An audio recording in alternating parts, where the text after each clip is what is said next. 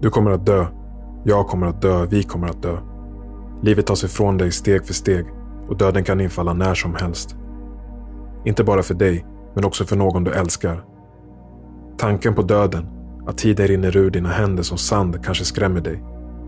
Du kanske till och med tillåter den rädslan diktera vilka du älskar, vad du jobbar med och hur du lever ditt liv.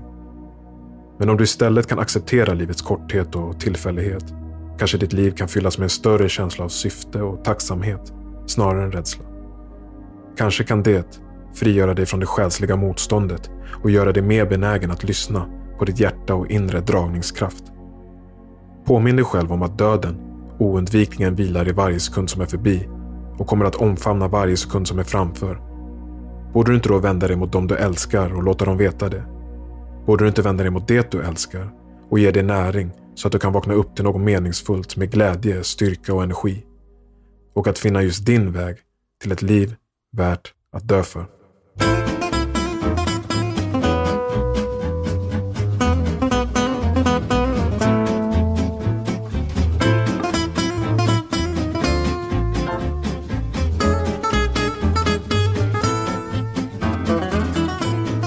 God morgon Marvin. God morgon Madi. Läget? Det är bra, hur är det med dig? Jo, jag tycker det, tycker det är bra. Det är fint. Det är lite kul att vi poddar tidigt idag efter att vi hade 5 am club förra veckan som tema. Faktiskt. När vaknade du då? Eh, två minuter i fyra. Två minuter i fyra. Jag- 03.58. Ja. Ja, Stabilt. Vad gjorde du då? jag har en sån här, jag har en sån här Fitbit, du vet, så den, eh, den väcker mig i sömncykeln där man är minst trött. Så Mm. jag vaknade liksom innan larmet, för att, alltså mitt vanliga larm, för att min, mitt klocklarm vibrerade lite. Alltså Jag, Fitbit, den här typ fitnessklocka. Har den en sån fun- Ja, exakt. funktion? Ja, exakt. Ja, ballt. Coolt. Tycker du att det hjälper någonting? Um, um, ja, alltså, men mest när man är i sin rutin redan. Du vet, när man redan har sin eh, circadian rhythm eh, liksom kalibrerad. Mm. Så att du är van vid att gå upp en tid. Och då när den vibrerar så vaknar man väldigt här, mysigt istället för att det är... Men om jag inte har min rytm liksom kalibrerad ordentligt, då väcker den inte ens mig, för det är inte tillräckligt. Men, hur, men hur, fungerar, hur fungerar de där uh, sömncyklerna? När är det man vill, alltså vilket tillstånd vill man vakna för att vakna piggast? Typ? Vad säger de? man vill vakna i slutet av en sömncykel och Mm. inte i, när man har påbörjat en ny. Så att om till exempel, det är därför man, det är så farligt att snosa. För att eh, oftast så vaknar man i slutet av en sömncykel. Mm. Och sen när du börjar snosa, då hinner du starta en ny.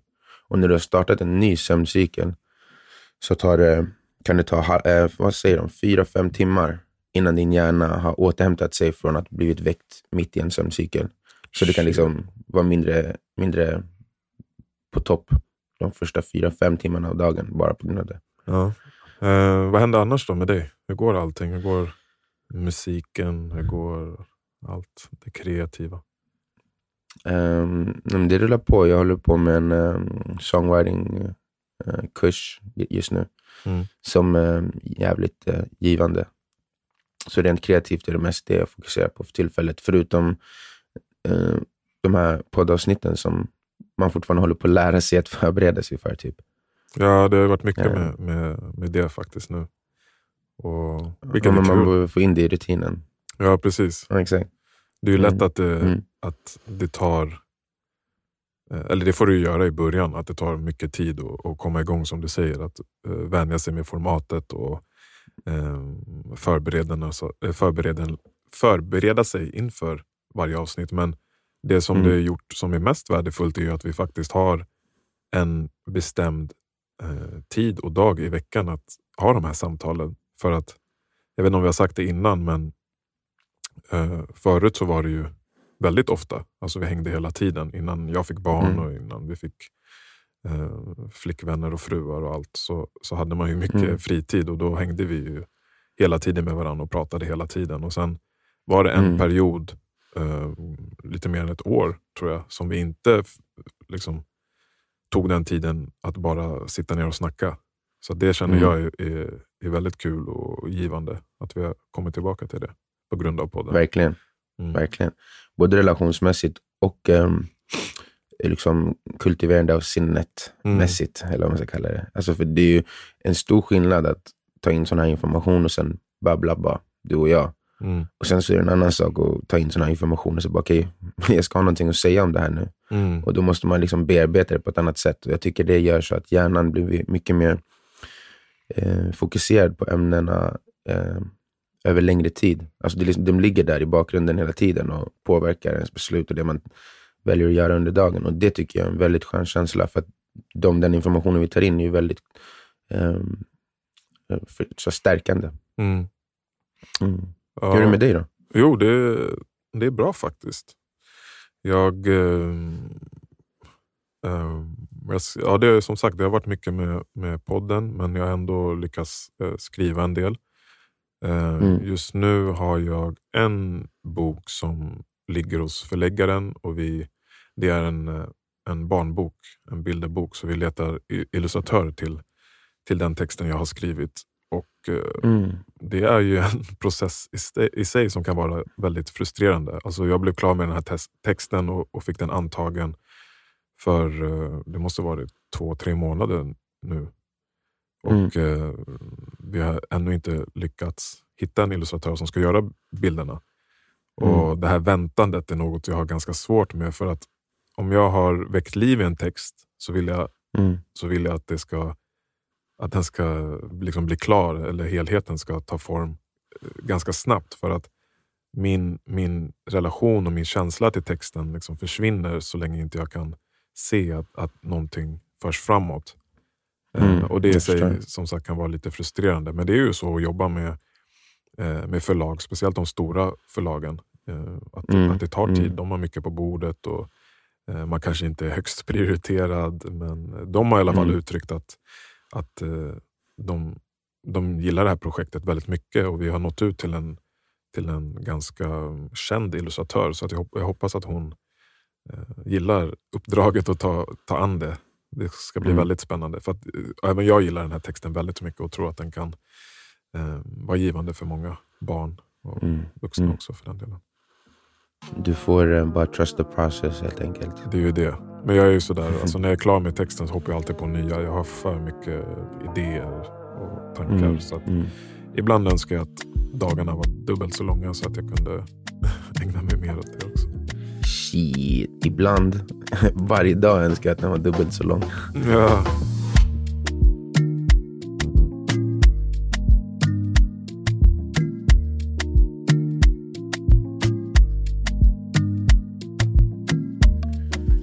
Ja, men eh, vad ska vi prata om idag då? Starboy.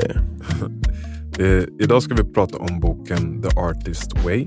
Eh, och den är skriven av Julia Cameron som är en amerikansk författare och konstnär bland annat.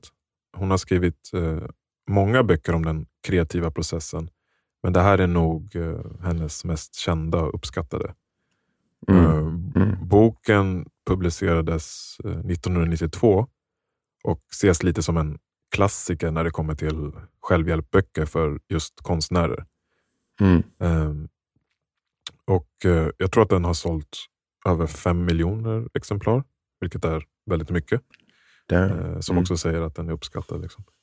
Mm. Och eh, Julia Cameron då påstår att alla har potential till att vara kreativa och skapa bra konst.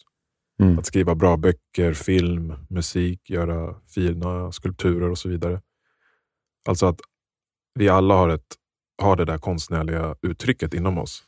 Mm. Men att problemet ofta ligger i vårt tvivlande och vår historia. Alltså att våra tidigare upplevelser eh, och de männi- människor som vi har runt omkring oss, att, Mm. att det påverkar vår förmåga att vara just kreativa och konstnärliga. Mm. Eh, eh, den här boken är den här boken, The Artist Way, är full av olika råd och tekniker hur man kan komma i kontakt med eller återuppliva sin artistiska sida. Och Mm. att man då kanske kan möjlig, möjliggöra och leva ut sin kreativa dröm som man har haft så länge. Eh, tanken, är då, eller tanken med boken är då att man ska läsa ett kapitel i veckan i tolv veckor och fokusera på de olika övningarna som presenteras där. För att liksom granska det som begränsar en. Det som gör att man inte kan uttrycka sin kreativitet till fullo. Mm. Eh, och, och, och för att då också bryta sig igenom de begränsningarna som finns. Uh, som jag uppfattar när jag läser den här boken, mm. uh, så har ju nästan alla de här tolv stegen som hon pratar om och som hon lär ut och övningarna i dem, de alla är kopplade till, de, till två verktyg som hon ger i början av mm. boken. Och, uh, det är ju the morning pages och the artist date. Och De kommer vi komma in mer på. Um, men det som jag vill lägga till här innan vi fortsätter, det är att hon säger också att både, både the artist date och the morning pages och alla steg som man gör i, kop alltså i koppling till dem, det är inte bara för konstnärer som tänker att eh, de ska leva på det eller som försöker göra det till en stor del av ens liv, utan det är även för, eller det är för alla människor. Därför att det finns en kreativ aspekt till att leva, till att skapa mm. sitt liv. Ordet skapa sitt liv, bygga sitt liv. Man säger skapa först, man säger bygga först. Alla de där kreativa eh, eh, grejer, liksom. kreativa akter. Och i den här boken så kan man lära sig hur man kan finna mer mening i livet via att vara mer kreativ i skapandet av sitt liv också. Mm. Um, som sagt innehåller boken en rad olika praktiska hjälpmedel och uh, tekniker som är jättebra. Men det jag fastnade mest för när jag nosade i, i boken första gången, och Marvin, jag tror att du och jag började läsa den här ungefär samtidigt. Och Det var väl runt mm. 2016 någon gång kanske? Exakt. Ja. Det finns ett kontrakt där i början av boken som man ska skriva under. Att man, man eh, lovar att hänge sig till de här eh, övningarna och så vidare. Och när jag läste igenom den nu igen så såg jag att första gången jag hade skrivit på det kontraktet så stod det typ ja, men någon gång under 2016. Ja, och jag, fail, jag failade ju min, mitt kontrakt såklart, som jag gör när det kommer till att eh, följa de här ramverken. Men, eh, till punkt och pricka. Liksom. Men i alla fall, det jag mm. fastnade först för var relationen Julia eh, beskrev mellan kreativitet och andlighet. Alltså mm. Den tanken fick mig att faktiskt att lägga ifrån mig boken ett tag. För att just, för just då var jag i det här skiftet, eller ja, jag hade lämnat IT-karriären för att lära mig musik och skriva och så vidare. Och Det var något mm. i den där tanken att kreativitet och andlighet har en stark relation som gjorde mig nyfiken. Mm. Det väckte något inom mig och jag ville undersöka det mer. Eh, I boken refererar Julia ofta till Gud och jag förstår mm. att det kan ge avsmak för många som, som är icke-troende.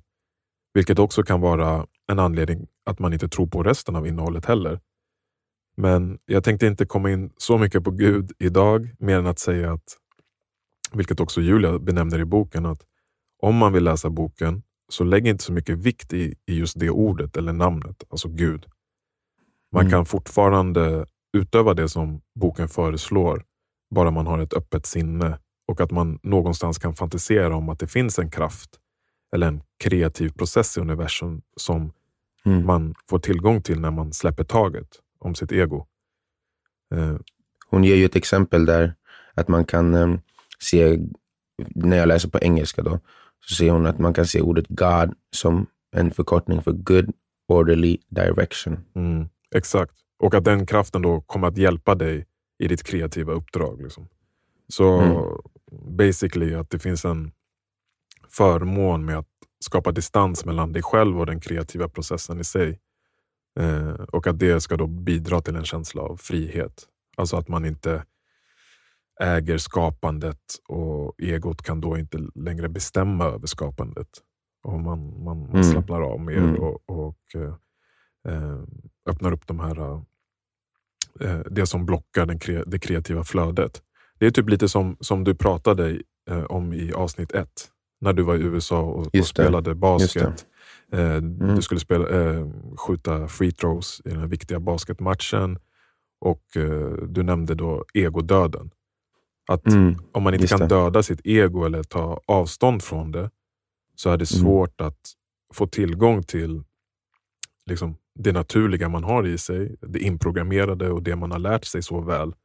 Och att låta det mm. liksom, uttrycka sig fritt och fullt ut. Exakt. Eh, så det Julia säger är att i, i slutändan spelar det ingen roll vad man väljer att kalla det. Alltså Gud, gudinna, ande, universum, vibe, energi och så vidare. Men att man ändå tänker på det som en andlig eh, entitet. Typ. Mm.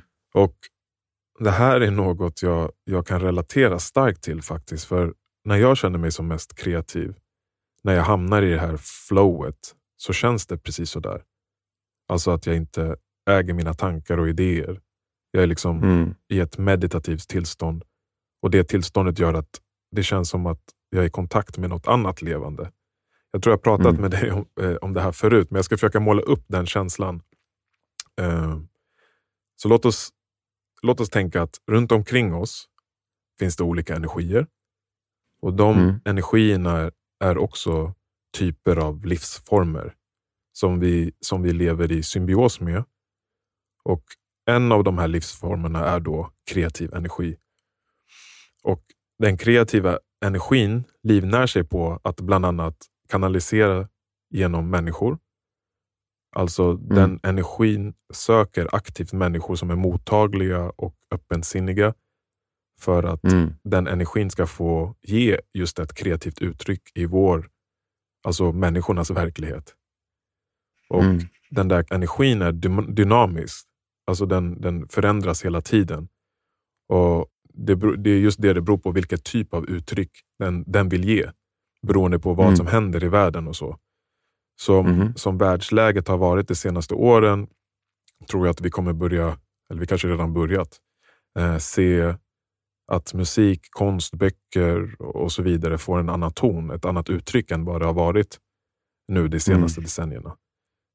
alltså, Mm. Jag vet att det låter flummigt, men det här tankesättet hade ju även de i, eh, artisterna eller konstnärerna i antikens Grekland ända fram till romarri- eh, inte romarriket, romantiken. Eh, Mhm. Alltså att de, de såg sig själva mer som förmedlare mellan en gudomlig vision och de vanliga människornas språk.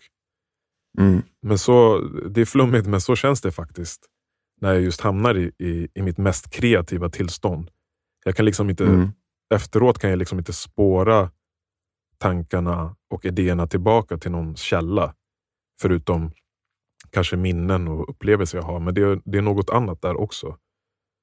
Och Mm. när jag fick det, alltså när jag läste om det eh, först i, i, i den här boken och jag hade hört det från andra håll också, så försöker jag nästan aktivt ha en mer andlig approach till, till kreativiteten. För att oftare och, och lättare hamna i just det tillståndet. För det är där också jag, jag tycker själv att jag, jag skapar som bäst. Så jag, jag, jag tycker det Julia säger är något positivt. Och Det har varit det för mig i alla fall. Och det har bidragit till den här frihetskänslan som, som hon pratar i i boken. Och därför tycker jag inte att man ska lägga så mycket tyngd i att det är något religiöst när hon säger Gud. liksom att det, det, det, det landar bara i att man ska ha ett öppet sinne. Eh, Exakt. och Det kanske är just den där uh, flummigheten som har gjort att när bokens titel översätts till svenska så har man ju valt att ta avstånd från det andliga helt och hållet nästan. Jag har också Just bara det. läst boken på engelska så jag vet inte eh, bokens innehåll i svenska. Men titeln, originaltiteln är ju The Artist Way, A Spiritual Path to eh, Higher Creativity. Och den svenska Mm. titeln är Lev kreativt. Hur du utvecklar ditt skapande jag i 12 steg. så, att, Ja, så för mig är det två helt olika intryck vad innehållet ska vara. Mm. Alltså att för, det, men det är bara marknadsföringen. Jag, jag, jag läste eh, den här gången på svenska, eller eh, och engelska. Eh, när jag, för att när jag var ute och promenerade så läste jag på Bookbeat och när jag satt inne läste jag min fysiska engelska kopia. mm, Eh, och insidan är samma. mm, mm, mm. Liksom, det är inte, de har inte ändrat någonting. Så, men, så det är ju bara för att svenskar inte är mottagliga för eh, religiöst Exakt. Det var det jag tänkte liksom. också, att det handlade om marknadsföring och publiken i Sverige, bara för att man ska köpa boken. Men jag tycker, Exakt. jag tycker ändå det är lite synd faktiskt, för precis som du sa, jag ser inte att den här boken bara är för artister, författare, konstnärer, Mm. vad du vill kalla det. mm, Alltså personer som ägnar sitt liv till kreativitet och, och, och att uttrycka sig konstnärligt. Utan att många andra kan också dra nytta och finna fördelar med, med att applicera de här teknikerna från boken i sina liv.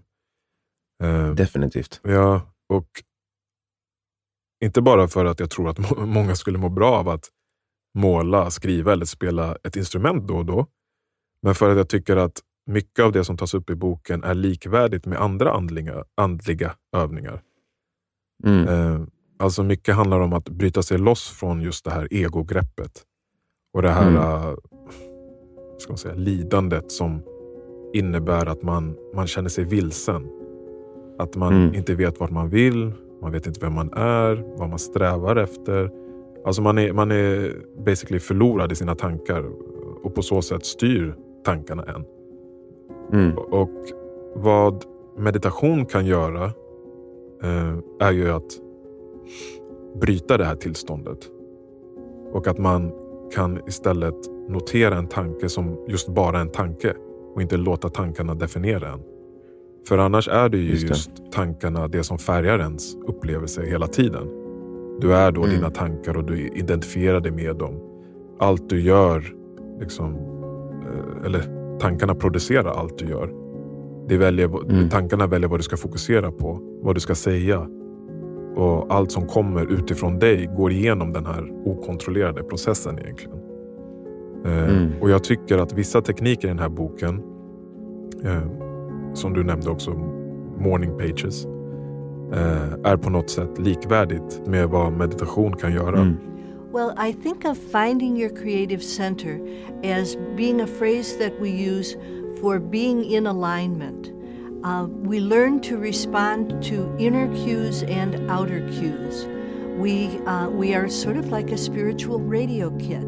We have a capacity to send to the universe this I like, this I don't like, and a capacity to receive why don't you try this? When we're on our spiritual center, we're very receptive and fluid. We move in the direction that we are cued. Nej, men jag tänkte på det att så här, um, det är liksom, vi, som vi pratade om förra, uh, var det förra eller förra, förra avsnittet, när vi pratade om, uh, jo, förra, reflekterande segmentet i uh, 5 AM Club. Att, och i den här boken också, så båda två nämner att uh, skriva journal är som att meditera på papper. och att det finns ju olika typer av mediterande. Alltså antingen ska man bara stänga av tankarna helt. Sen så finns det ju de där man försöker följa vissa tankeströmmar för att hitta svar. Mm. Och jag antar att den här är väl någon sån sorts typ. Liksom.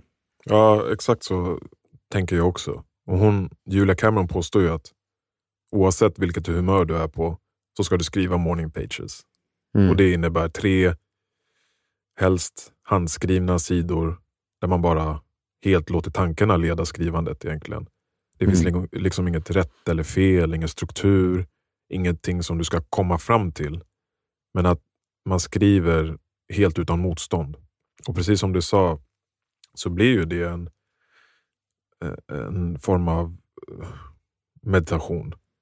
Mm. Eh, och Det ska då hjälpa en att få ut sina tankar och att sortera och organisera det man har i sinnet.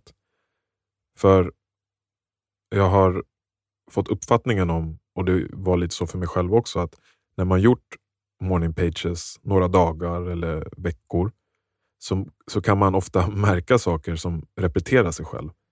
Alltså, mm. Mm. Man kommer tillbaka ofta till samma önskan, en dröm man har, en vilja, en, ett tillstånd, ett mående eller whatever. Någonting du tänker över en relation. Och Det gör att man inte riktigt kan springa ifrån de tankarna. Efter att man blir mm. påmind om dem varje dag. Om du då gör mm. morning pages. Eh, mm. Vilket i sin tur förhoppningsvis kan leda till att man i slutändan gör något åt saken. Att man, att man lyssnar på den där rösten och att man tar tag i, i det den säger. Det är väldigt svårt att klaga på någonting varje morgon och se det utskrivet på ett papper varje morgon och sen inte göra något åt saken. Det, blir, det är mycket svårare än att bara tänka tanken och sen inte göra något åt saken. Ja, exakt. Och man, man, man lär sig alltså att känna sig själv på, på ett annat sätt genom en liksom, ärligare och mer andlig röst. Mm. Uh, och det, det i sin förlängning kan ju bidra till ett sinnestillstånd som, som är likvärdigt meditation, eller som meditation också kan göra. Eh, Mm. Alltså ett friare sinnestillstånd eh, med mer distans från sina tankar. Så att man först kan Exakt. identifiera hur man vill att livet ska se ut och sen också se till att det blir så.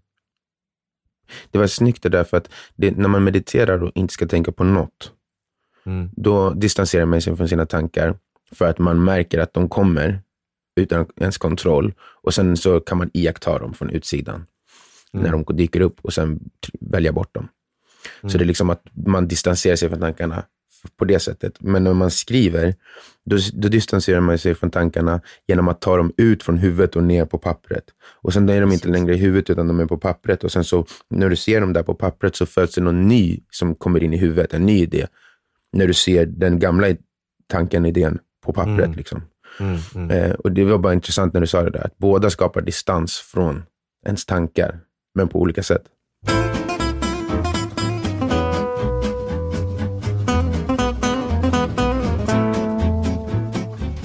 Ja, du kom ju in en hel del på tro-delen av den här boken. Mm.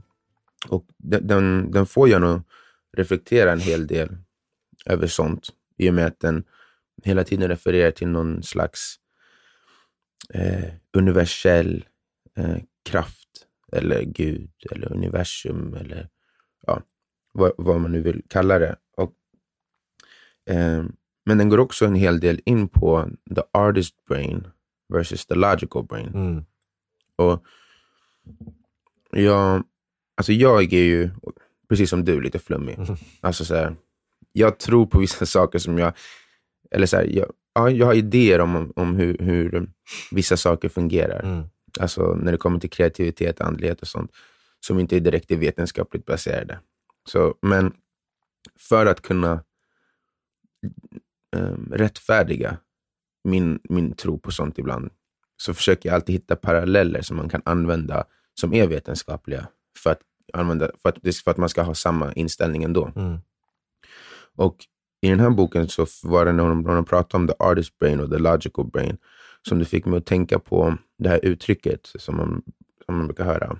Eh, mind, body and spirit. Mhm. Ehm, och jag vet inte hur det är för dig eller för de som lyssnar, men när jag hör mind, body and spirit så är de två första relativt enkla att förstå och liksom hur man ska kultivera dem också. Alltså mind, The mind. body. Ja, Exakt. Mind, det, är kunskap, visdom och så vidare. Eh, och body, simpelt. Du ska ta hand om din hälsa, din kropp, din fysik. Mm. Men när man pratar om spirit så blir det ju alltid lite svårare, tycker jag. Och jag upplever att andra gör det också. Alltså definitionen och vad det är man ska göra och vad det är man ska kultivera där. Mm. Det är lite som när vi pratar om soulset och heartset i 5 am club. Och det är så här, du ska reflektera, du kan be, du kan meditera. Det är så mycket olika. Liksom. Mm. Och det är svårt att härleda liksom, vad är det man försöker påverka. Vilken del av min varelse är det som blir bättre av det här? Ja. För det är mycket lättare att förstå när det, när det är mind och body. För att det finns liksom, det är kvantitativt. Du kan mäta Mm. Mm. hur mycket bättre du har blivit. Typ. Det. Det är inte riktigt så med spirit. Ehm, men när de pratar om the artist brain och the eh, logical brain Mm. Så fick det mig att tänka som att de två är the mind and the spirit. Mm. Alltså, the, och nu är jag inte helt säker på om jag kommer ihåg det här rätt, men jag tror att mind, alltså den eh, eh, logiska sidan av hjärnan, är den vänstra och den konstnärliga är högra. Det kan vara fel, kanske, att- kanske tvärtom, men från och med nu så benämner vi det så. Ja. Så, så den högra då är alltså spirit. Eh, som, som, jag, som jag läste in den när jag så hörde, när jag, eller läste den beskriva det här.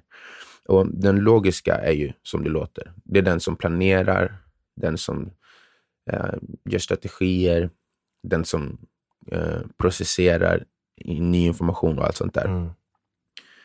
Och den högra däremot, den fungerar på ett annat sätt. Och Det fanns ett citat här från boken som jag tycker beskrev det väl. Younger self, who can be balky and stubborn as the most cantankerous three-year-old, is not impressed by words. Like a native of Missouri, it wants to be shown.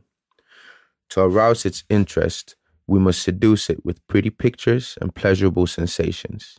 Take it out dining and dancing, as it were. Only in this way can the deep self be reached. Mm. Och med det menar de att den kreativa sidan av dig själv, den, ditt inre barn, din inre artist, den pratar inte i ord. Eller den kommunicerar inte i ord, med ord. Utan den kommunicerar med bilder och sensationer. Den kommunicerar med doft, den kommunicerar med syn, den kommunicerar med hörsel. Men den kommunicerar inte med ord och text. Mm. Eh, och sättet att nå fram till den är bara genom det bildliga språket, eller liksom det här eh, ordlösa språket. Ehm, det fick mig att tänka dels att, så här, för de pratar om att för att kunna använda den sidan utav hjärnan så behöver du mata den sidan utav hjärnan så att den har någonting att, komma, alltså att, att ge ut också. Mm. Och du, det, det, det blev bara så tydlig, mycket tydligare för mig vad the spirit part är då. Alltså, om du har kroppen, the body, som är krigaren. Den håller igång dig, den ser till att saker och ting blir gjort. Mm. Sen har du eh, the logical side of the brain. Och jag fick en idé om att den kan man kalla kungen. Och kungen, det är den som bestämmer när och hur någonting ska göras. Mm. Alltså strate- strategize och allting. Och sen så har du the spirit. Eller, för de som inte vill prata så flummigt, den eh, högre hjärnhalvan, som är den kreativa sidan. Och den tänker jag på som magiken. Mm. Så att de alla har en roll. Och när du ska kultivera mind, body and spirit så, måste, så ska, du, ska du hjälpa kungen, magiken och krigaren att göra sitt jobb. Mm. Mm. Och det är som att magiken då, det är den som kan göra, alltså få de här infallen och, och få för sig att skapa någonting som är nytt. Mm. Någonting som eh, skapades inom dig. Eh, det är där all inspiration kommer ifrån. Det är där all liksom, substans kommer ifrån. Eh, det är där den, all, all liv kommer ifrån in i det arbetet du gör. Mm. Kungen kan se till att du gör det, nå, någonting. Men om du bara har kungen så kommer du inte veta, alltså, du kommer inte veta att du går åt rätt håll. Du kommer göra saker och du kommer kunna få dig själv att göra saker, men du, man kommer inte ha någon, någon plan med det. Du, du, du, du arbetar planlöst. Mm. Och eh, om du har bara kungen och krigaren, som är, alltså har du bara kroppen och har du bara hjärn, eh, sinnet, då kommer du kunna se till att jobba för du har krigaren. Du kommer se till att någonting blir gjort. Du har kungen som kommer bestämma att liksom, när och hur du ska göra det. Men om du inte har magiken som skapar värdet, som skapar, skapar livet i det, då, då, kommer du inte, då kommer du kunna bli framgångsrik för att du har kungen som planerar och st- strategier och du, och du har krigaren som jobbar hårt. Men du kommer inte känna något liv och lycka att prata om. Jag fick upp en måste- väldigt tydlig bild nu. Ja. Jag gillade verkligen hur du skildrade det här. Dels fick jag en idé till en bok och eh, dels såg jag en bild framför mig. Typ att eh, om du har en kniv så är Mm. eh, the body, alltså krigaren, eh, själva kniven, liksom, eh, ägget.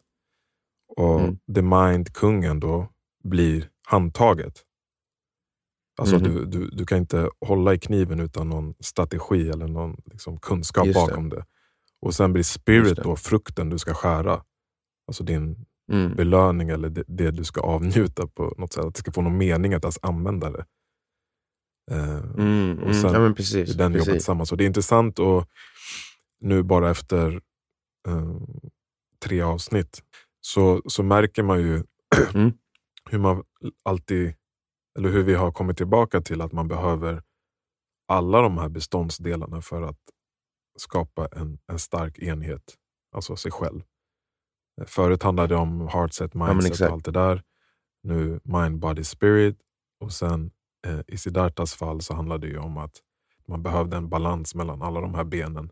Mellan kunskap och, och erfarenheter Mm. och allt det där. Så det, det är lätt som person tror jag att fastna i en av sakerna, som du sa, liksom, mind and body, ja det är lätt att digest, det är Mm, lätt att förstå. Men spirit, ja det blir lite flummigare och man kanske direkt Mm. tänker på religion, religion och, och vara religiös och det blir så här, äh, då, då, då är jag inte intresserad av det. Religion. Religion. Eh, så så ja, det, det är intressant, men det var fint eh, skildrat tycker jag.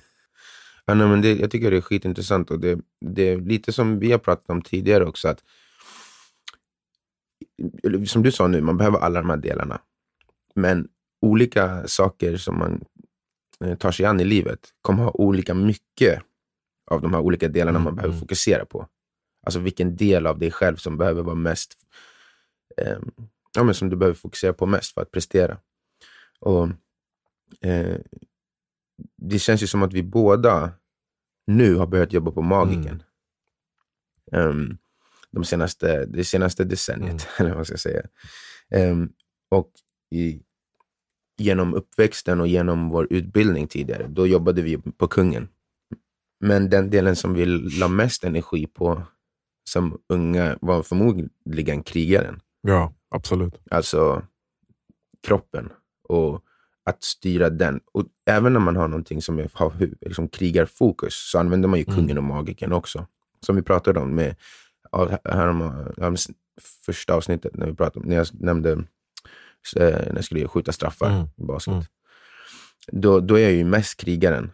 Men för att jag inte kunde nå magiken och kungen så kunde jag inte använda det som jag hade med krigaren. Jag, för att, för att eh, alla liksom, eh, yttre påverkningar fick, låste mig för, bort från dem. Precis. Eh, och det är också liksom, jag tror att det är lätt, beroende på vart, vilken del av sig själv man har börjat att jobba med, så kan man lätt tro att den delen är så mycket viktigare. Eller att det, det, liksom, det som du har sagt till mig och som vi har pratat om många gånger, att du vet, jag är väldigt eh, fokuserad på att jobba så väl och hårt som jag kan. Mm. Och det, är väldigt, det, liksom, det, det kommer från basketen, mycket. Det kommer från den här krigarmentaliteten. Och jag tror att energin att göra det har också kommit från att krigaren har alltid blivit matad. Så det finns alltid liksom, den här fysiska kraften att få saker gjort. Ja, från din pappa bland annat. Eh, Om inte annat. Ja, det också. Absolut. absolut. Eh, men det, det är något annat när man går över till någonting som är eh, magikerdominerat. Då. Mm. Alltså kreativt dominerat. Och man måste lära sig att kunna kalibrera inom sig. Okej, är jag mer kung, är jag mer magiker eller är jag mer krigare just nu? Mm. Och det är just det den här boken ska kunna hjälpa till med. att em, Så att du kan gå emellan de där grejerna lättare utan blockeringar. Utan att ifrågasätta. Liksom, typ, när jag skulle spela basket, om man är krigaren huvudsakligen, då är det väldigt lätt för mig att leva mig in i den, mag- ma- den bilden som magiken behöver projicera. Mm. Därför att min självbild passar väldigt väl med det uttrycket. Alltså, jag är en basketspelare, jag är fysiskt kapabel, duktig och jag är, ja, jag är cool, jag är hård, whatever. Alltså, det, det, det, var, det var väldigt lätt att leva sig in i den som en Mm. ung man. Men att leva sig in i någonting som är mer kreativt och mer magikerdominerat då, då behövde, då behövde jag jobba väldigt mycket på mig själv. Och jag gör det fortfarande, jag är absolut inte där. Ehm, för att liksom, jag behöver justera min egen självbild så att jag Mm, kan släppa mm. fram magiken i mig. Och de pratar ju också om att eh, det kan finnas fem olika, tio olika roller, eh, livsvägar som du tycker är intressanta. Och att för ett fullt liv, du kanske väljer en som är din huvudsakliga väg, men för ett rikt och fullt liv så ska du fortsätta att kultivera alla de här olika rollerna vid sidan av också. Och jag tror liksom att det, i stor del, till stor del så är det för att du ska kunna kultivera kungen, magikern och krigaren och känna dig, på så sätt känna dig mer ehm, För hel. oss som vi mäter framgång, får rätta mig om jag har fel, så handlar det om att, eh, att växa i alla de här olika delarna. Och vi brukar ju skoja med att säga att vi är wannabe renässansmän. För att vi strävar, strävan är eh, liksom alltid att bli, att bli bättre och, och lära sig mer och utvecklas inom alla de här områdena. Självklart så, alla intressen. Alla intressen. All, allting som kittlar själen. Som, liksom. Eh, någon undrar kanske, ska jag, men vilka är ni och sitta och snacka om det här? Vad har ni uppnått? Och så. Alltså det, det är inte så att vi, jag har inte skrivit någon bestseller, du har inte skrivit en topphit, eh, eh, alltså ännu. Men vägen börjar inte där, strävan börjar inte mot det. Eh, det är väl lite de insikterna vi har fått med, med våra samtal också. Att så här, okay, mm. men Det kanske mm. leder dit och det skulle kanske vara skitnice, jag vet inte för jag har aldrig varit där. Men det är inte det, det viktigaste i slutändan. Det viktigaste är att du att du kultiverar och, och liksom ger näring till alla de här sidorna för att ditt liv kommer vara så mycket mer värt och, och du som person kommer förmodligen bli mycket större och ge mycket mer till andras liv. Exakt.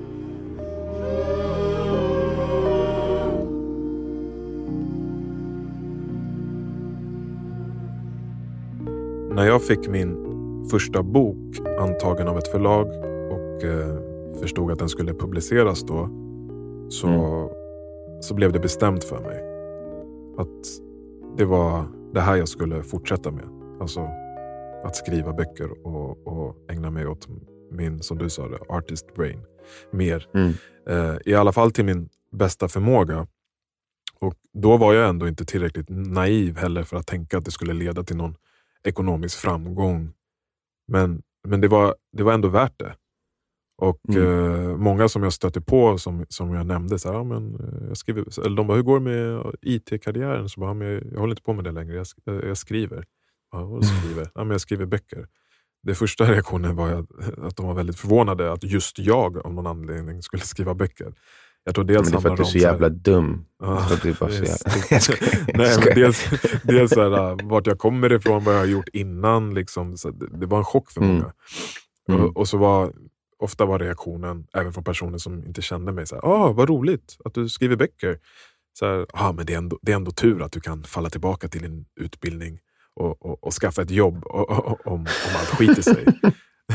och när, du har ju säkert också hört det där. Och när jag hörde ja. det så, så stärkte det bara mitt beslut ännu mer. Det kändes ännu mm. mer rätt, för jag förstod liksom hur många som liksom går runt och är rädda och baserar deras beslut på just rädsla. Alltså mm. hela deras liv, livsbeslut baseras på rädsla. För mm. Mm. samtidigt som de inte riktigt trodde att jag kanske skulle klara av att leva ett bra liv som författare, mm. så insåg jag också hur många av deras egna drömmar de själv måste ha dödat för att ens mm. tänka så. Och hur många mm. gånger de har tvivlat på sin egen, egna röst. För jag har svårt att tänka mig att, att om man väljer att tvivla på någon annan som du inte mm. ens har ett behov av, av att ha kontroll över och uttrycka det på det sättet i ett sånt läge, så har man garanterat tvivlat på sig själv innan. Eh, jo, men det är ju för att de projicerar hur de hade känt i samma situation. Precis, det är typ som att man på ett ganska oskyldigt sätt önskar att den här personen, alltså jag, ska misslyckas. För att man själv ska inte bli motbevisad och man själv ska må bättre. Förstår du vad jag menar? Jo, för att, jo, för att, om, för att om du lyckas fast de trodde att du, du som de, som de tror, uh. också skulle misslyckas. Då bevisar du ju att de också kanske skulle lyckas om de hade försökt. Exakt. Det, blir det, det, här, det är det som är det jobbiga. Det, ja, exakt. Det blir där, fan, det går att följa sin egna väg. Det går att vara mm. barnslig och följa sina drömmar. Mm. Och, och, de vill ju gärna inte höra det, utan de, de vill ju vara i den här uh, comfort zone, i det säkra. Mm. Uh, uh. För... Som, um, apropå det du sa nu, att, att så här, man kan vara barnslig. Jag vill bara in, uh, lägga in det att apropå det där citatet vi pratade om innan, att the artist brain is childlike och den kreativa sidan är childlike. Mm. Jag tycker om just det uttrycket, alltså, för det är en, en, ett tillkortakommande att vara barnslig. Mm. Men det är en styrka att vara barnlik. Därför att någon som är barnslig har inte kontroll över sin, sin, sina känslor och sitt agerande och agerar på, på instinkt. Men någon som är barnlik, den har en fantasi och en inlevelse i sitt liv som gör varje stund mer, när, alltså mer värd. Du vet, du vet om du satt och kollade på en fredagsfilm och käkade chips när du var liten. Du vet, mm. de flesta i alla fall som jag pratade med håller med om att det, den där stunden hade så mycket mer tyngd då. Ja, verkligen. Än vad den har idag. Ja. Och jag tror att det där är så här, det som de pratar om, att man måste försöka behålla barnet där, the child som, som uh, har den här inlevelsen och fantasin som man kan färga varje stund med. Det, jag, jag, jag påpekade det också i förra avsnittet när vi pratade om att uh, göra vissa saker tidigt på morgonen, att det är då jag kommer i kontakt med den som mest. Mm. Dels är det ju någon del av egot som jag lyckas döda för att jag inte känner att någon ser mig eller att mm. någon liksom kan döma mig. Och då, då kan jag uttrycka mig som bäst. I, i vad mm. om det handlar om i, i liksom, i fysiskt uttryck eller kreativt uttryck eller, och så vidare. Jag kan leva mig in mm. och jag tillåter mig att leva in, mig in i rollen. Mm. Eh, så verkligen. Men då, jag tror att jag sa barnsligt då, men jag gillar det där barnlikt. Är väl mer det jag mm. försöker säga. Mm. Men eh, i alla fall, efter några år eh, då jag hade publicerat fler böcker så, så kom jag i kontakt med gamla klass, klasskamrater från, från KTH. Mm. Eh, och De flesta av dem hade ju börjat sina karriärer inom IT och visst, de hade en skitbra lön och så vidare. Men nästan alla hade det där uttrycket, du vet. Eh, mm. När jag frågade så här, hur går det för er? Ja, ah, det är okej, okay, det funkar, det rullar på. Mm. Liksom som att de, ja, det, det, är bara det. Det finns inte så mycket mer i det. Och Det var precis mm. den där känslan jag inte ville ha. Den känslan som gjorde att jag började ifrågasätta om jag hade valt rätt. Och Även just det stärkte min säkerhet att jag hade tagit rätt beslut. Alltså att jag, alltså om jag har på ena sidan av beslutsvågen, om man kan kalla det så. Eh, om jag på ena sidan har liksom stark och säker ekonomi med låg livskvalitet och på andra mm. sidan mm. mindre stark och osäker ekonomi men hög livskvalitet. Så är det mm. väldigt tydligt vad som väger mest för mig. Och Det är så kul för att vissa välja. skulle säga att ekonomi är livskvalitet. Alltså att du kan äta den där maten som är dyr, gå på den där restaurangen, att du kan köpa den här bilen. som är, Alltså att sånt är livskvalitet. Mm. Och Det är mm. väldigt eh, intressant att höra dig prata om det. Liksom, nej, det är inte alls det jag menar med livskvalitet. För att du sätter det som eh, mo, alltså motsatt, motsats till livskvaliteten. Alltså ekonomi versus livskvalitet. Ja. Mm. Sen kan man ju också ifrågasätta vad som är liksom, vilken väg som är bäst att ta först.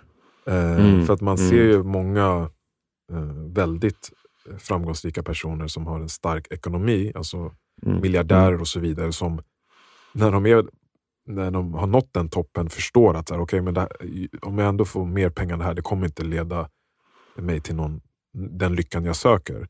Och då mm. kanske de drar sig tillbaka till Bali och, och bor under ett, ett liksom kokosnötträd i en koja. Mm. Även fast de har mm. miljarder på banken och tar några telefonsamtal om dagen. Men att det ger dem mer livskvalitet. De kanske lär sig surfa eller eh, måla eller whatever det nu kan vara. Så vad som kommer mm. först vet jag inte vad som är bäst. Men för mig handlar det om, eller jag har den här tanken om att om jag inte gör det idag, eftersom morgondagen inte är garanterad, så mm. gör jag inte det som känns rätt idag så, så gör jag fel helt enkelt. Det är den enkla tanken jag har.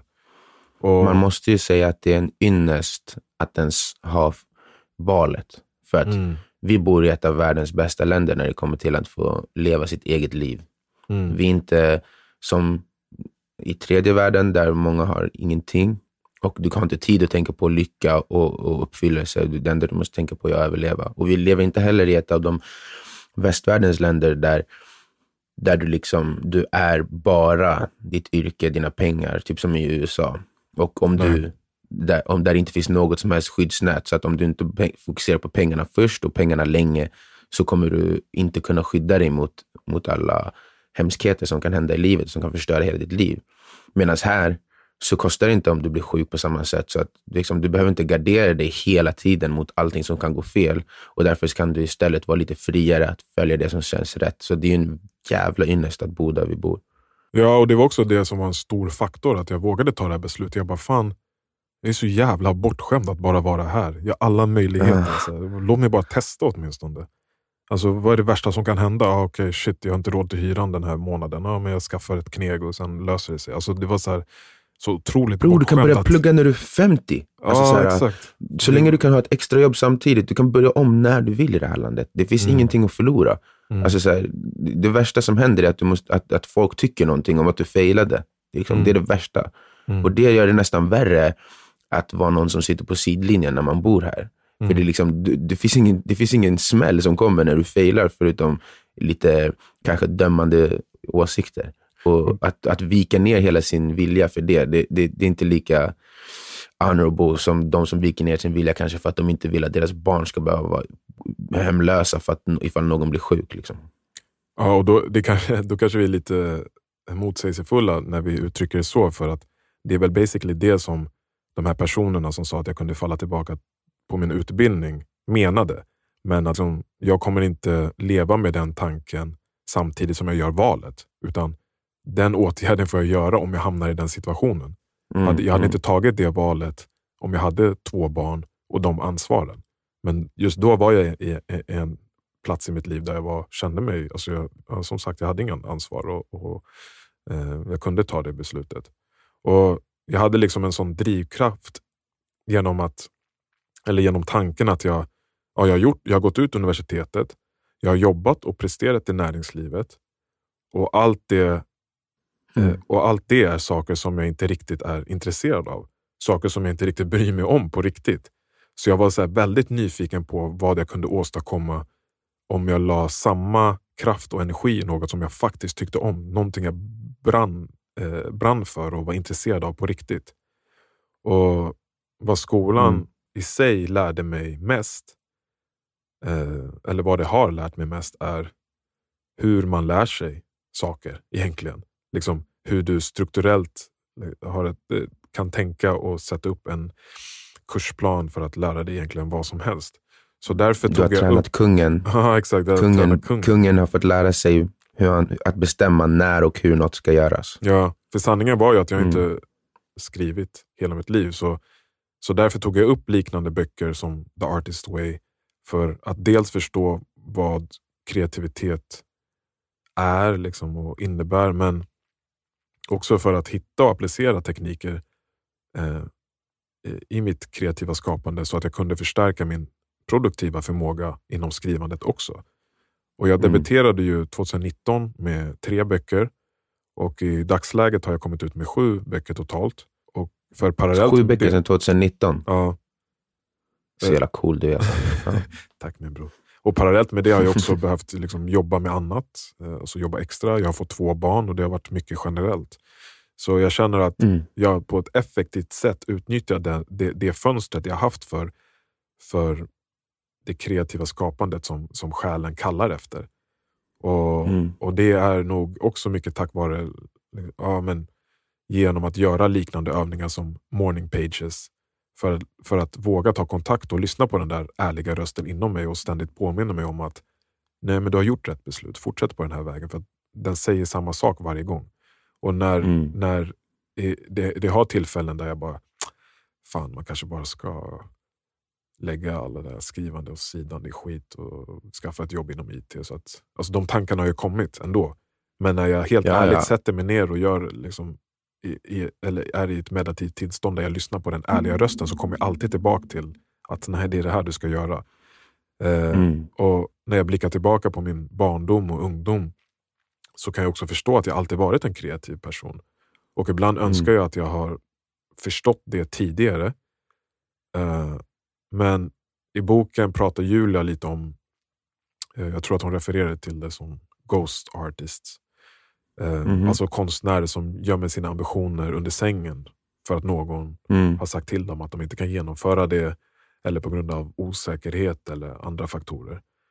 Att Men att de typ ofta också attachar sig själva till någon som faktiskt gör det som mm. de själva vill göra. Ja. De är ofta i närheten av det. Liksom. Precis, de vill vara nära det men de, de, de gör inte det riktigt själva. Och att den mm. typen av konstnärer aldrig kommer finna liksom, lycka förrän de återupplivar ambitionerna och sin kreativitet. Och jag, mm. jag har känt mig lite som en sån faktiskt, alltså en ghostwriter. Och precis som du sa, eller ghostwriter, ghost artist. Eh, och, och, och, lite som du sa, så har jag ju, alltså min blick har alltid varit på de kreativa. Alltså mm. musikerna, mm. Eh, mm. konstnärerna, eh, författarna. Eller författarna vet jag mm. faktiskt. Jag tror att min mamma var ju författare eller är mm. författare. Mm. Och yrket har varit jättenära mig, så någonstans där har jag blivit blind av någon anledning. Men mm. just mm. musikerna och de andra, alltså jag, med, med, stor, eh, liksom, med stora ögon har jag alltid tittat på dem. Och jag vet, Mm. jag vet inte vad det är som har gjort att inte jag har hamnat i, i det spåret tidigare. Det är klart jag testade på Mm. lite när jag var yngre, men aldrig på riktigt. Eh, eh, och, men jag kan se i de fallen där jag har fått uttrycka min kreativitet och jag tyckt om det.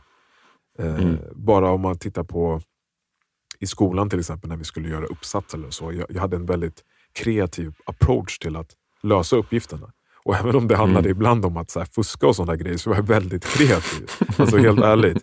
Eh, Mm. så, så det är väldigt tydligt nu att jag har, alltså jag har alltid haft ett stort behov av att vara kreativ. För jag märker väldigt Mm. snabbt att om, om jag inte får vara kreativ så är jag heller inte glad.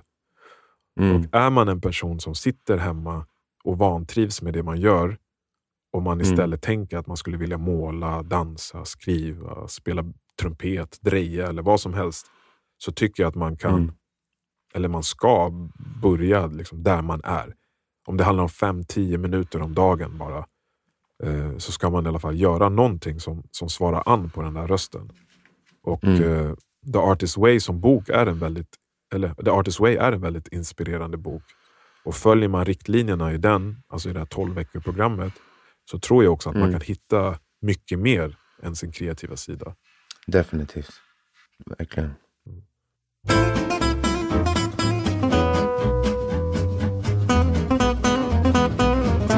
Ja, ehm, vi pratade ju innan om att den här boken är inte bara för folk som vill skapa som konstnärer, utan det är också för de som vill skapa i sitt liv, Mm. eller skapa sitt liv. Eh, De nämner det att, eh, eller det var ett citat som stod i boken, som går Art is expression and expression is life. Alltså, för att kunna skapa konst så måste du uttrycka någonting som är du. Alltså, du uttrycker dig, en del av Mm. dig. Mm. Och att uttrycka dig och delar av dig, det är det som är livet. Och det, det var en väldigt intressant eh, tanke för mig, för att det slog mig då hur mycket mer mening varje stund kan ha om du väljer att låta varje stund vara ett uttryck av vem du är. Mm. Eh, och jag skrev ner lite tankar där. Att så här, varje akt är ett skapande ögonblick. Viljan och färdigheten att skapa bildas genom matandet av lekfulla bilder när du matar the artist brain.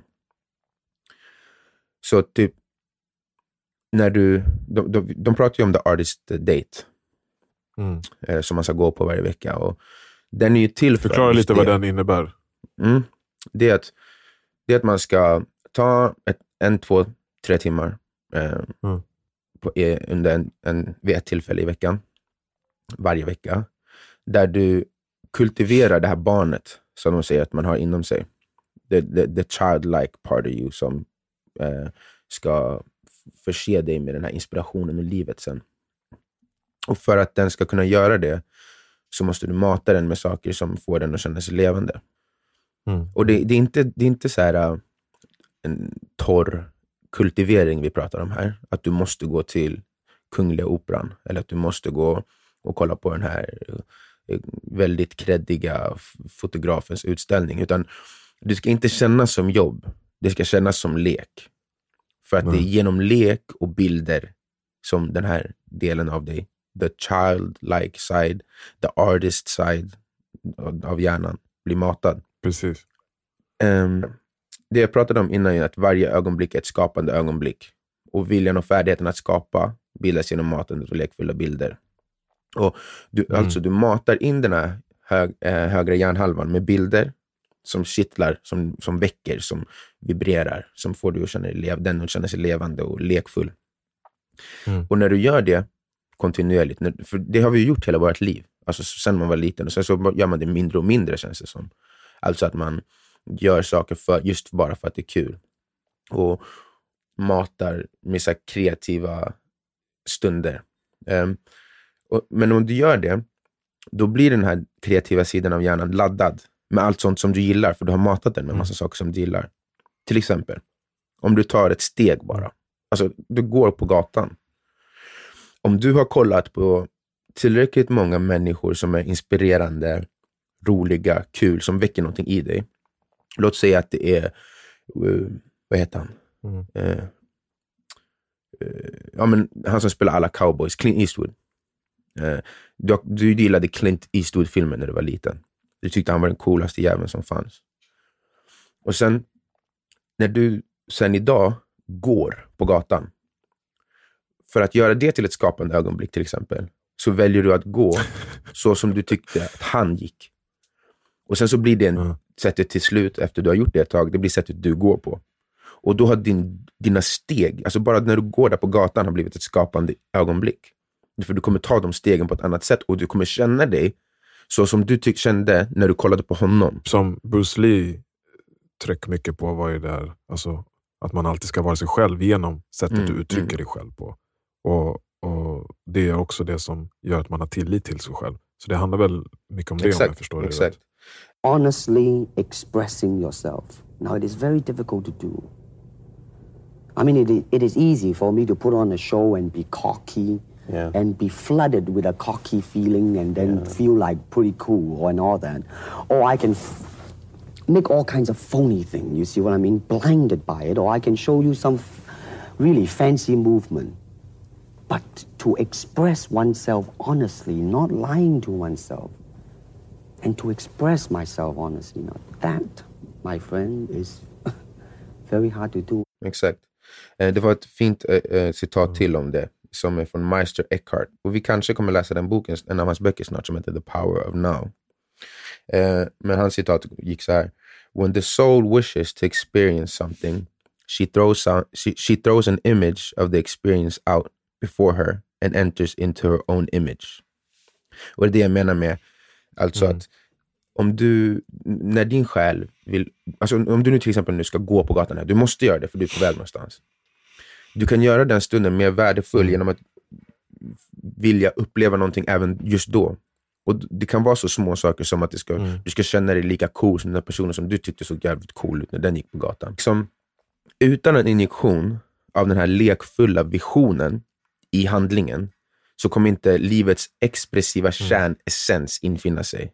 Alltså, varje stund kan ha en, en, en stark känsla, oavsett de yttre omständigheterna. Så länge som du kan hitta en vision som är så här lekfull och inspirerande, som du kan mata bilden med. Till exempel om du tänker så här på i en film, Mm. så kan du känna liv i, i scener med regn och så, om resten av scenen är inramad med mening. Till exempel killen som står utanför tjejens hus och ber henne att rymma iväg med honom med så romantisk musik i bakgrunden och regnet öser ner. Men regnet är bara bra i den där bilden, eller hur? Mhm. Det är bara en positiv sak nu för att du har Mm, ramat in det med allt det här andra. Eller tänk eh, Mm. Eminem i 8 Mile. När han sitter på bussen och skriver sina rim och åker i en skitig buss genom den gråa betongen. Men det är romantiskt. För att han, han, Mm. han kämpar på sin väg upp. Ja.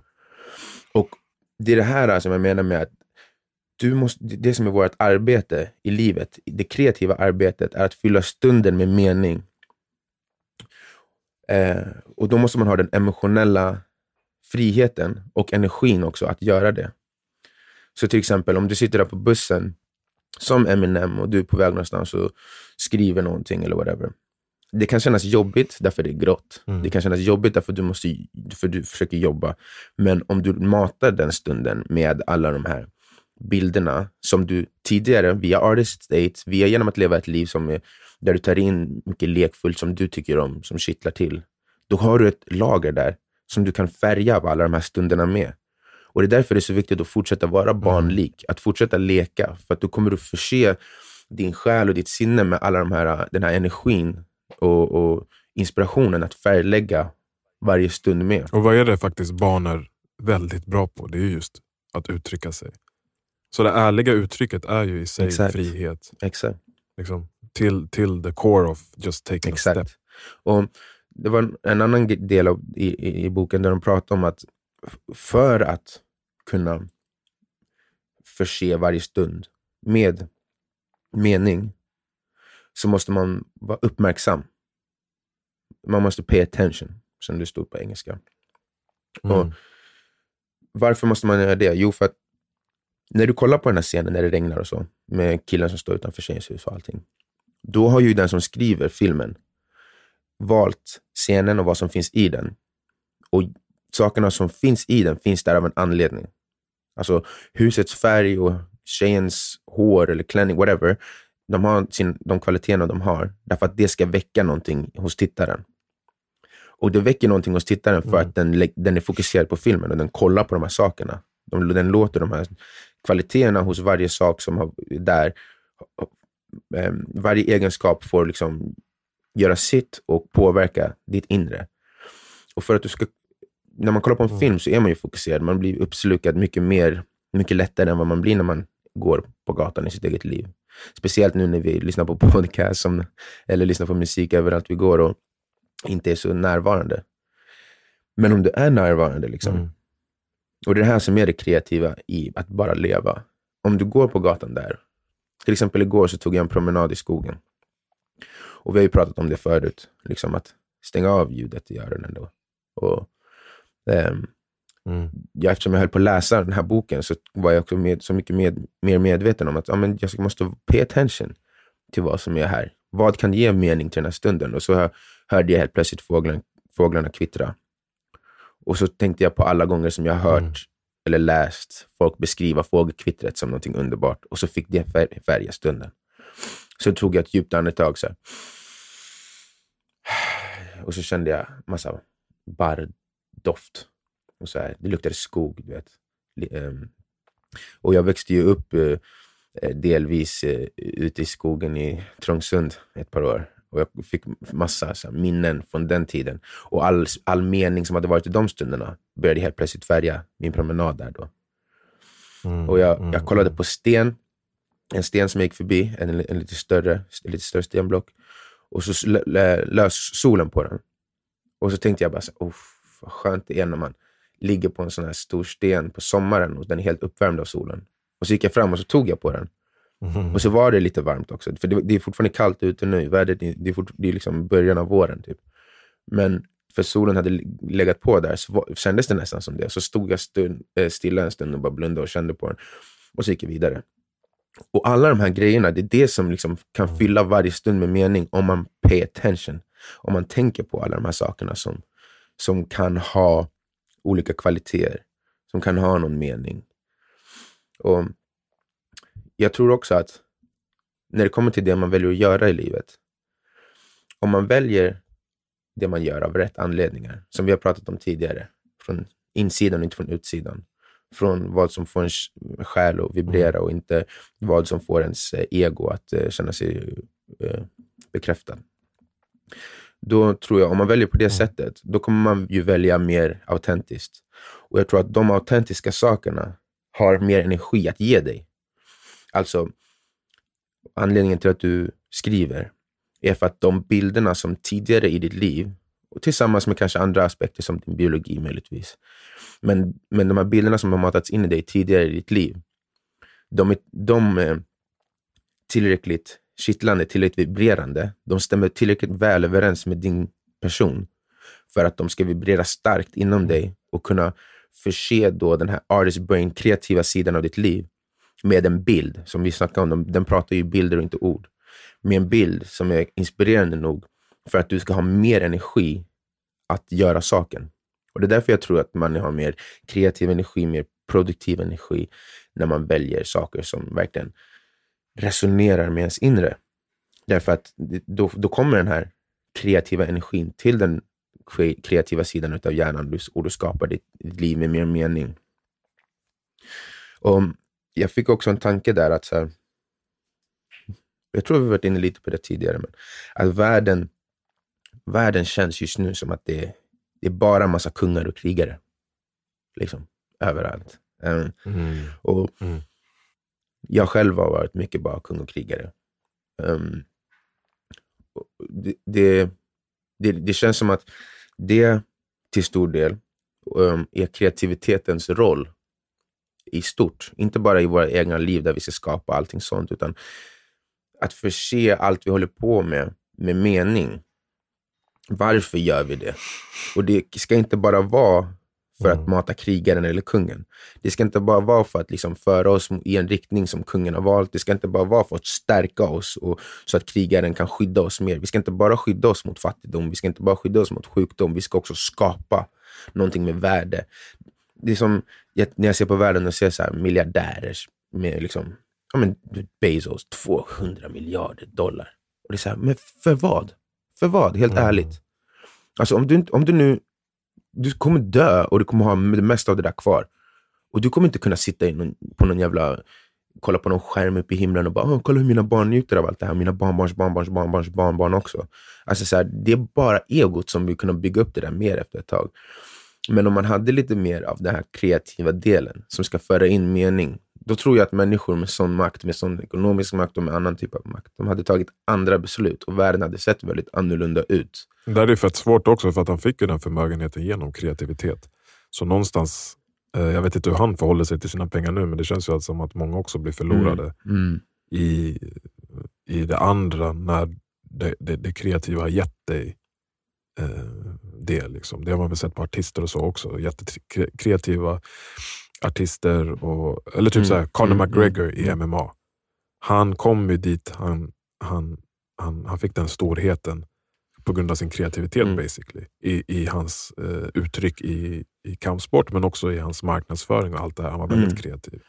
Och sen när han fick alla pengar så blev han en person som det kändes att, som bara har fokuserat på allt annat förutom the spirit under mm. hela sitt mm. liv. Liksom. Uh, men det känns som att man blir förförd när man kommer till en viss nivå av framgång. För både krigaren och kungen ser så jävla coola ut där. Och mm. Du får så mycket positiv feedback från omgivningen. Att kungen och krigaren tar över hela dig. Och det känns som att man slutar mata magiker när man kommer dit. Alltså jag tror inte Bezos är lika inspirerad eh, och liksom av bilder han har matat sin hjärna med på samma sätt som han var när han började skapa hela den här grejen. Jag tror inte Connor Nej, inte. sitter och kollar på Bruce Lee-klipp på samma sätt och väljer ut saker som ska inspirera honom på det sättet. Lika mycket nu när han bara kan vakna på morgonen, dricka sin Proper 12 och sätta sig i en jacuzzi. liksom. ja, men de har ersatt den bilden med sig själva. Istället för att Bruce Lee hänger på hans vägg i vardagsrummet så har han hängt upp sig, sig själv. Liksom. och, Exakt. han, han, han är blind av sin egen storhet. Ja, jag tror som du säger att det är det som händer. Mm, mm. Och, äh, men det, bara fick mig att se det här att kreativiteten har verkligen en, en, en, del i våra individuella liv, men det känns också som att den har en väldigt avgörande roll i vårt kollektiva liv som mänsklighet. Boom. Yeah.